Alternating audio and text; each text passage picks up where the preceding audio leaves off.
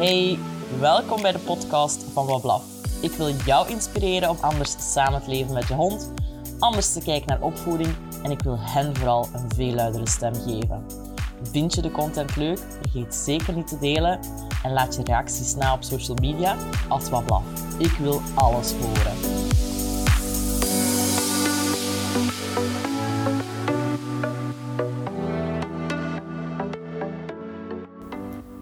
Gedragsproblemen bij puberende honden. Bestaan die wel? Hey, ik ben Annelies van Wablaf en ik heb Daniela, gedragsexpert bij Pause in Touch, uitgenodigd om die vraag uit te pluizen. We gaan het dus hebben over puberhonden. Daniela, welkom. Superleuk dat je deze aflevering wilde maken met mij. Oh, zeer graag hier te zijn.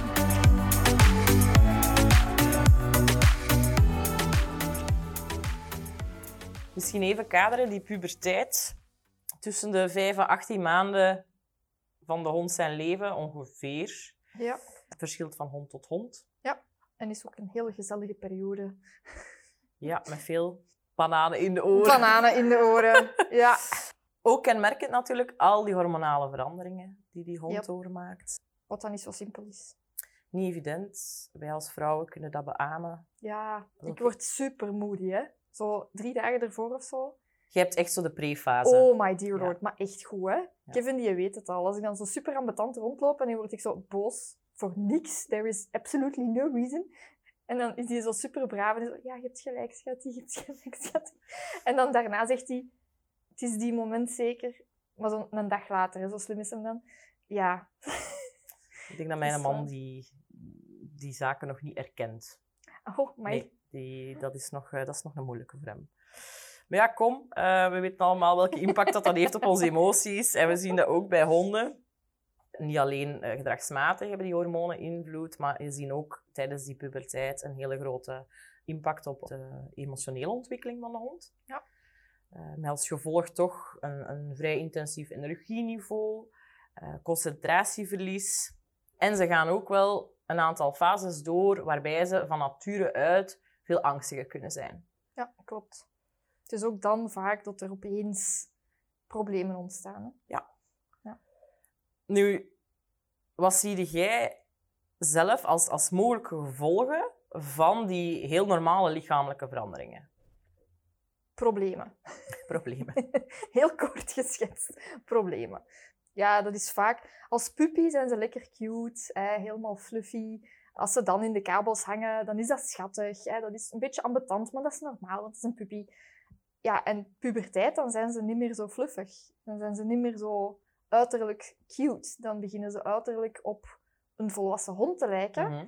En als dan het gedrag nog niet is wat, dat ze in, allee, wat dat een eigenaar in zijn hoofd heeft, ja, dan is het een probleem. Ja, dan is het een heel zwaar probleem. Die routine begint er net zo een beetje in te komen. Dat vertrouwen is rustig aan aan het opbouwen.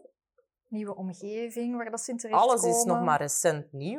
Het spreken nog maar over een aantal maanden dat die een hond bij dat nieuwe gezin is. Klopt. En uiteindelijk, ja, als wij kinderen hebben, dan gaan wij ook ze vanuit veiligheid de wereld laten ontdekken. Ja. We gaan onze kinderen ook niet gewoon vanaf dag één in een vreemde omgeving zetten. We houden die dicht bij ons. En we laten die vanuit veiligheid zichzelf ontdekken, ons ontdekken, de omgeving. Maar ja, zoals we daar juist zeggen, dat, dat, dat fluffiness is eraf. En we ondervinden bepaalde gedragingen als problemen. Nu, Ja. wij weten dat alles wat gedrag is, is communicatie. Klopt. En zoals je zei, bij puppies is dat subtiel, is dat soms nog schattig. Ja, en puppies die gaan ook ehm, heel duidelijk communiceren naar ons. Eigenlijk, als je weet waar dat je kunt op letten. Een puppy die tijdens een wandeling gaat zitten bijvoorbeeld, ja, dat is eigenlijk een teken van wow. Maar ja, wat zien wij? Een puppy die niet meeloopt aan de lijn. En we leren dan van, ja, die moet meelopen aan de lijn. We moeten hem leren om te volgen, la la la la la. En we negeren dus compleet die, zijn communicatie. En op dat moment is het nog heel subtiel. Ja, en dan groeit hij op. En waar dan een puppy die situaties gewoon gaat ondergaan, gaat een puber dat minder ondergaan. En dan krijg je dus dat die spanning verder oploopt, dat die communicatie veel duidelijker wordt. En in plaats van gewoon te blijven zitten, begint hij bijvoorbeeld te blaffen aan de lijn. Of hij begint echt helemaal te vriezen en gaat plat liggen op de baan bijvoorbeeld, als hij iets ziet. Ja, Ja, en dan opeens is het een probleem. Dan ervaren wij die communicatie echt, ook echt als super irritant. Hè? Want Ja, je In your Je face. spreekt over uitvallen, over gaan liggen. eh, dat is dan plots al een hond van ja, 30 kilo als ze spreken over 9 à 10 maanden. Ja.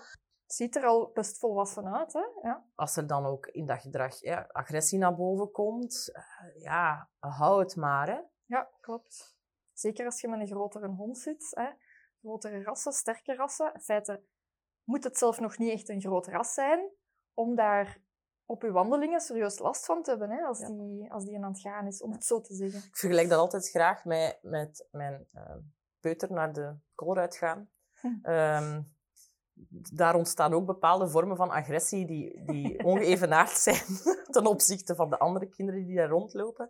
Eh, maar het is letterlijk een, een gelijkaardige manier. Hè. Hij smijt zich op de grond, ehm, probeert naar mij echt spanning te communiceren. En het enigste wat ik dan onder druk van de omgeving kan doen, is dat zo snel mogelijk afblokken. Ja. En echt ja, mezelf uit die situatie halen.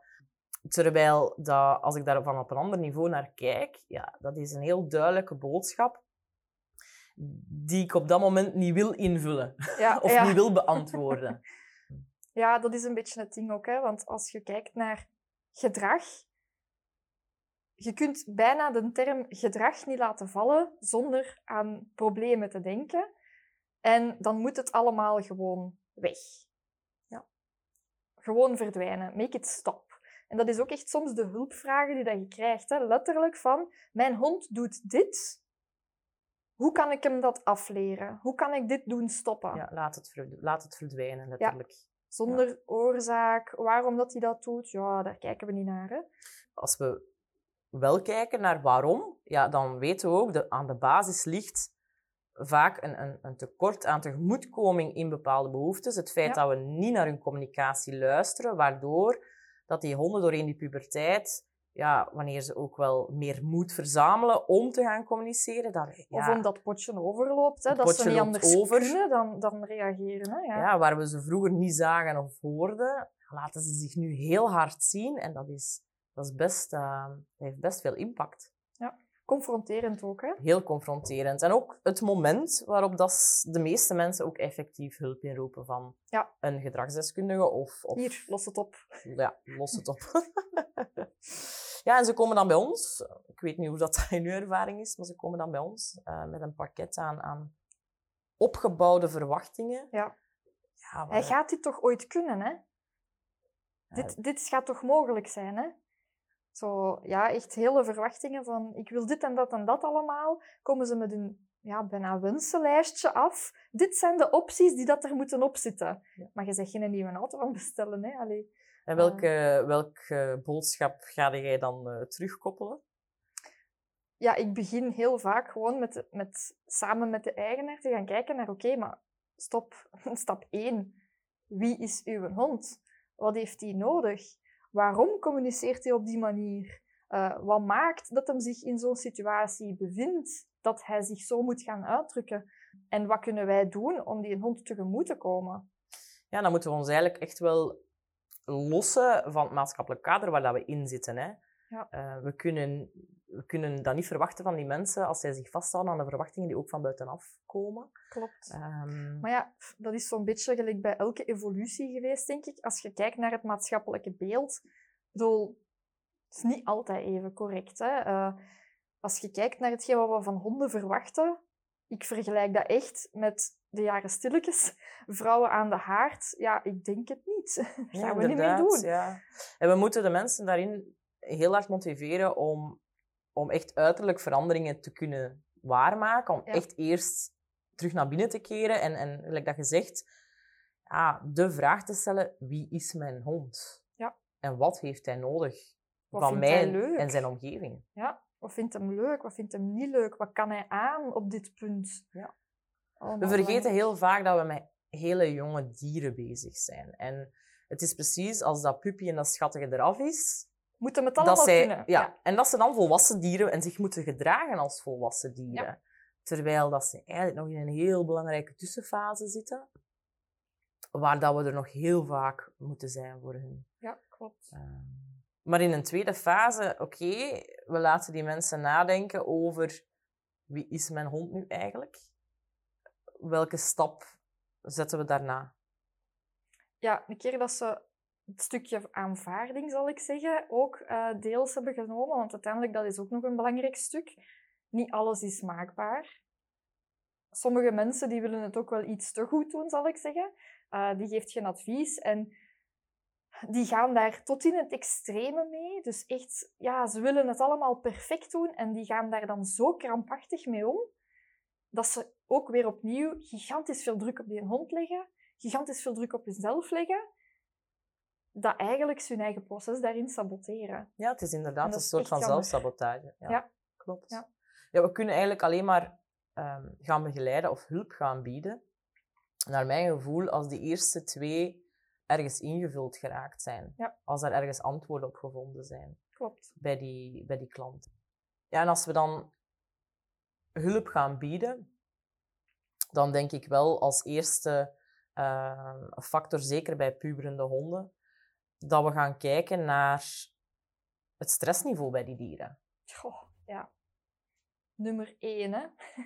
dat is echt nummer één, hè. Hetzelfde ja. bij mensen, hè. Als er één hot topic is in work-life balance, in levenskwaliteit, uh, dan is het wel de malle molen en de stressmolen waar dat we ook zelf in zitten. Hè. Klopt.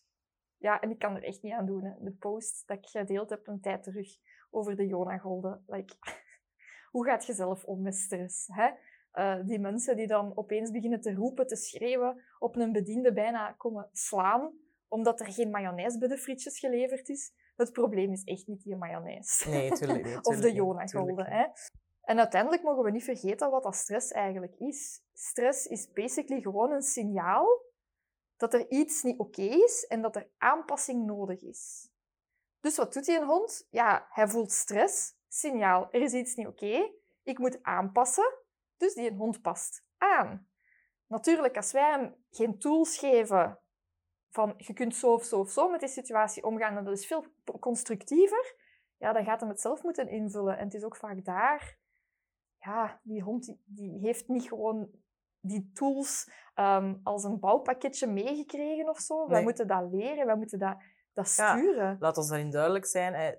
Een puber, een hond, kan zijn eigen stressniveau niet zelf reguleren. Nope. En als hij zelf uh, aan die stressregulatie wil doen, ja, dan gaat het vaak over zelfs overlevingsmechanismen om uit die situatie te geraken, om die ja. stress naar beneden te krijgen. Klopt. Want ja, als puppy hebben ze dat dan ook in mildere mate.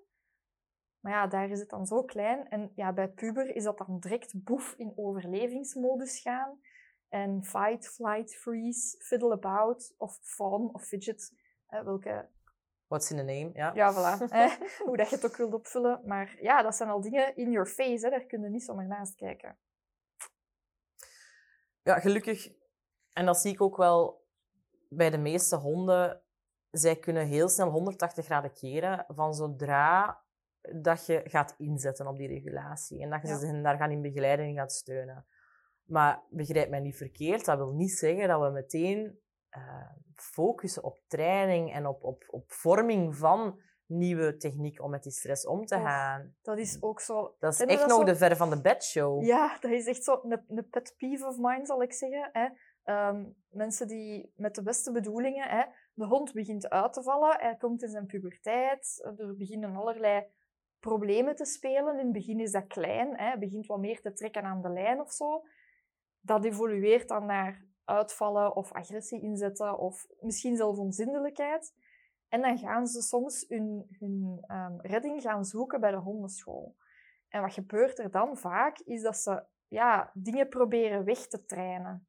We gaan het gedrag wegtrainen door hem iets anders te leren. Heel symptomatisch aan de oppervlakte blijven kijken. Ja, terwijl het er eigenlijk gewoon op het moment dat die een hond uitvalt, op het moment dat hem echt ja, met een stressregulatieprobleem zit, hè, om het zo te noemen, dan is die gewoon in de bovenkamer niet meer thuis. Er is geen leervermogen. Dus please, stopt met te proberen trainen dan, want dat maakt het alleen maar erger. Ja. De mensen steken er keihard moeite in. Die een hond die wordt nog wat extra belast. Komt nog wat meer druk op het hele proces. terwijl het eigenlijk andersom zou moeten zijn. Ja, het is ook heel frappant om te zien. ehm, eh, bijvoorbeeld als mijn kinderen thuiskomen van de crash, eh ze zijn ook nog niet in staat om zelf hun stress te reguleren. En ze zijn heel leuk aan het spelen in de crash. En zodra dat ze mij zien, degene die hun helpt te reguleren, ik Mhm. ben hun begeleider daarin, dan breken Liefst. die in... Ja, liefst. dan breken die in tranen uit. Alsof dat die een hele dag ongelukkig geweest zijn. Dat is natuurlijk niet zo, maar de opgebouwde spanning moet ergens naartoe. En die Ja. gaat enkel geuit worden, of wordt meestal geuit, tegen de personen waar zij een goede hechting mee hebben, zich veilig bij voelen. Is ook een van de belangrijkste redenen waarom dat de meeste bijtincidenten en, en problemen rond agressie in huis gebeuren. Tegen Ja. de eigenaar, tegen, de, Oh, tegen mensen die heel dicht bij hun staan, waar zij een goede band mee aan het opbouwen zijn. ja, of nog zo'n schoontje van... Hè, bij mij valt hem uit, maar bij een, man doet hem dat niet. Ja. Dat is ook zo'n mooie. Terwijl dat eigenlijk een heel mooi compliment is. Ja. Pijnlijk om te zeggen, maar ja, het is wel zo. Ja. Of bij een trimmer doet hem dat niet. Daar is hem super braaf. En bij mij, ik mag hem niet aanraken. Dan denk ik ook zo vaak, oeh. Ja, inderdaad. Het gaat allemaal inderdaad over zich veilig voelen bij waar mag ik emotioneel ehm, alles uiten. Ja, Of het mezelf nu zijn. mezelf zijn. Of het nu positief is of negatief. Heel blij zijn, maar ook heel verdrietig, heel angstig, heel gefrustreerd. Ik probeer dat soms aan mensen uit te leggen door de vergelijking te maken met een feestje. Dus stel dat je naar een feestje gaat, ja, bear with me. Hè, Ja, ik ben, ik ben ook mee. We gaan naar een feestje. Dus we gaan naar een feestje. Maar je gaat helemaal alleen naar een feestje waar dat je bent uitgenodigd, misschien professioneel, en je kent daar niemand. Als er dan iemand een ongepaste opmerking maakt, dan gaat je vrij beleefd reageren, denk ik. Je gaat je niet volledig uiten. Als je een feestje hebt met je beste vrienden en daar maakt iemand een niet zo gepaste opmerking, dan gaat je dat iets duidelijker en iets directer verwoorden, denk Gl- ik. glaasje wijn richting het gezicht. Of, Bijvoorbeeld, Dat is al vrij agressief. Hey, Maar krul, hommel. Ja, oké. Ehm, dus, eh, en dan kun je zeggen, ja, maar als je bij je vrienden bent, kun je je niet gedragen. En dan eh, vertoont je gedragsproblemen, zoals agressie. Maar zet je in een ruimte vol met vreemden en je gedraagt je perfect. Ja. Dat is een beetje hetzelfde. dat is toch raar hè, dat de meeste puberende honden op de hondenschool zich dan echt heel hard inhouden. Ja, Ehm, maar toch op wandeling heel veel problematiek vertonen, zoals hè, dat uitvalgedrag. Ja, Ja. Wat zou die vreemde groep van dieren en mensen daar nu toch mee te maken kunnen hebben?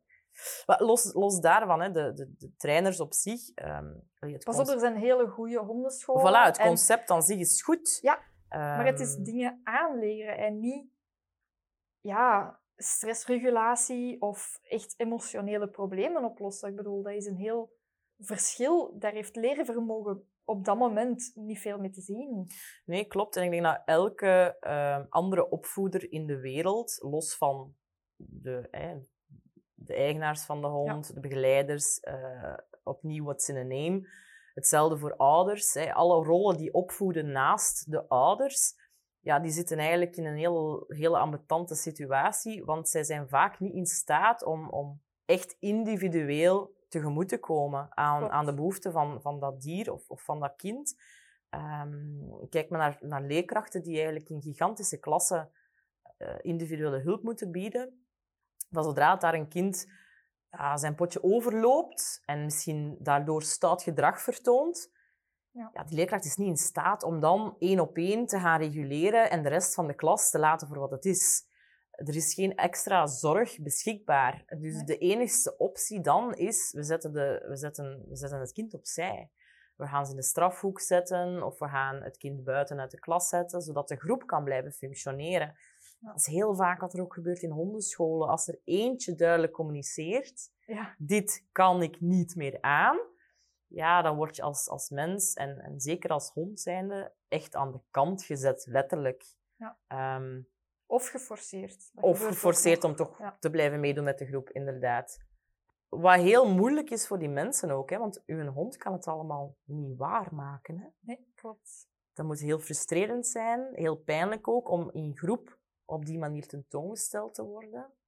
Terwijl dat wellicht die andere honden misschien ook wel gelijkaardige emoties hebben, maar ze niet uiten of niet Ja. ten volle uiten. Ja. Of dat de spanning nog niet hoog genoeg zit, bijvoorbeeld. Ja, en ik vind nog altijd hondenscholen vind ik fantastisch als hobby voor uw hond. Of als ehm, leuke activiteit om samen te doen met uw hond. Als het leuk is voor de voilà. hond.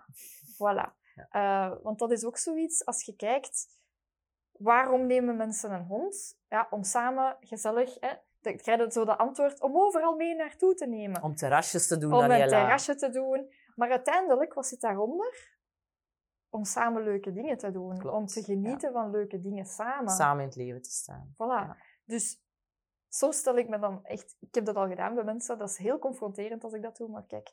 Ehm, dan vraag ik van, ja, wat houdt u dan tegen om te genieten van leuke dingen met uw hond? Ja, maar hij kan het niet, hè? Dus hij kan niet samen met u in uw tuin gewoon rustig zitten en genieten van een glaasje. Dat, dat gaat niet. Ah, jawel, hè, maar ik kan er niet mee naar buiten gaan. Hè. Ik kan niet Ja. op het terras gaan zitten. Maar uiteindelijk, ja, genieten samen is niet per se, ehm, ja, moet ik het zeggen, gebonden aan voorwaarden. Hè? Komt het daar niet uiteindelijk op neer dat we in elke levensfase elkaar moeten tegemoetkomen op een bepaald niveau waar we Ja. allebei samen kunnen genieten van het leven? Klopt. Zowel bij puppies als bij pubers als bij volwassen honden.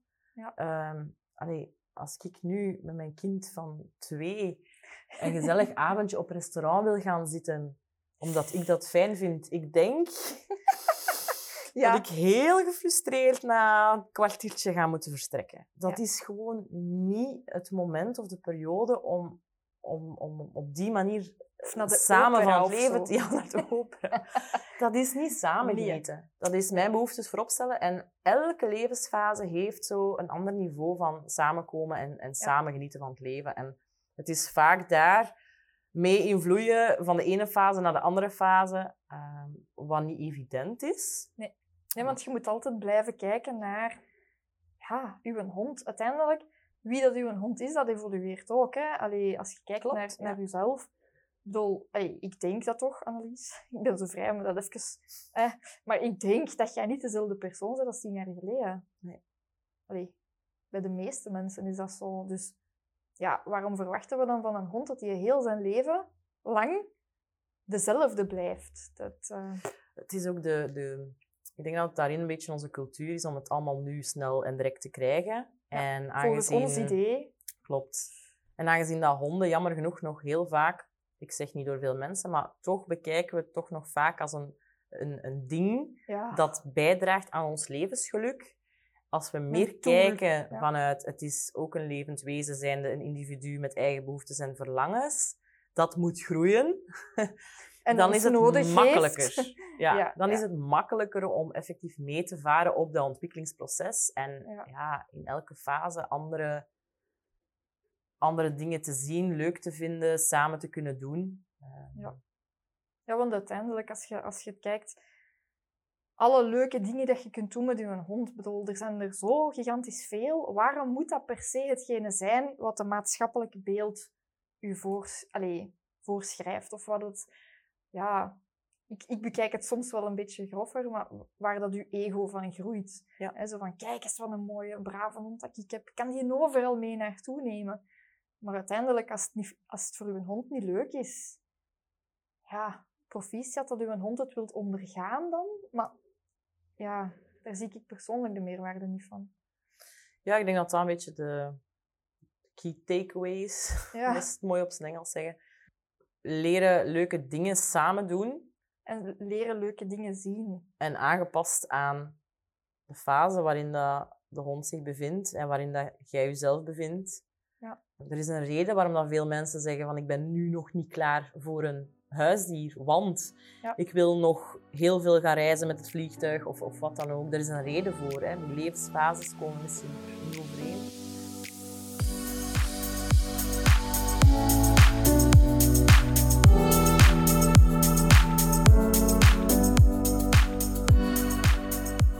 Waar draait het nu eigenlijk allemaal om? Wel, ik denk als we gaan kijken vooral naar de pubers, dan komt het erop neer dat die honden niet meer zomaar gaan ondergaan wat dat ze niet leuk vinden. En dat het aan ons is om uit te zoeken wat dat die hond wel leuk vindt. en wat dat hij nodig heeft. En dat we hem daarin gaan helpen.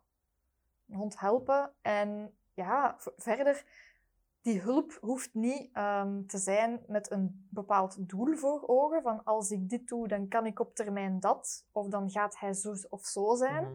Maar echt gewoon, ik ga mijn hond helpen. En ondertussen geniet ik van alle leuke dingen die we wel kunnen doen. Dus ik heb daar een mooie quote voor. Ehm, enjoy the moment, it's now or never.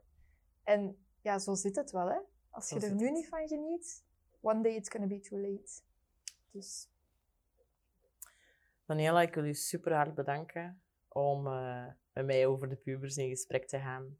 zeer graag gedaan. Ik weet dat jij nog een leuk traject op programma hebt staan, eind 2022. Oh yes, it's very good. Vertel. Is very good. Eh, ja, dus ik heb het Relaxing Reactivity eh, traject, is volledig online. Ehm, en daar gaan we echt van, van in het begin aan de slag. Dus dat begint bij hondentaal, bij de basisbehoeften van een hond. Eh, ook stressreductie, stressmanagement zit erin, management in het algemeen. Eigenlijk is dat voor elke hond geschikt, maar met name voor de reactievere honden is dat echt wel een must om gewoon die honden te leren om één, zichzelf wat meer onder controle te houden, zichzelf wat te kunnen reguleren, maar ook gewoon om meer rust in dat lijfje te krijgen, zodanig dat ze terug openstaan voor nieuwe leerervaringen. Alright, één adresje, pauseintouch.be. Het zal wel zijn. Nog één vraagje. Gedragsproblemen bij puberende honden, bestaan die? Ja, maar ehm, in de meeste gevallen hangt het ook een beetje af van wat dat je als probleem definieert, zal ik zeggen. Soms zijn er dingen die wij als probleem bestempelen, maar die eigenlijk gewoon heel normaal zijn. En waar dat we gewoon moeten tegemoetkomen aan hetgeen wat dat die hond nodig heeft. Ik vind dat een hele mooie afsluiter. Oh, fantastisch. Merci, Daniela. You're welcome.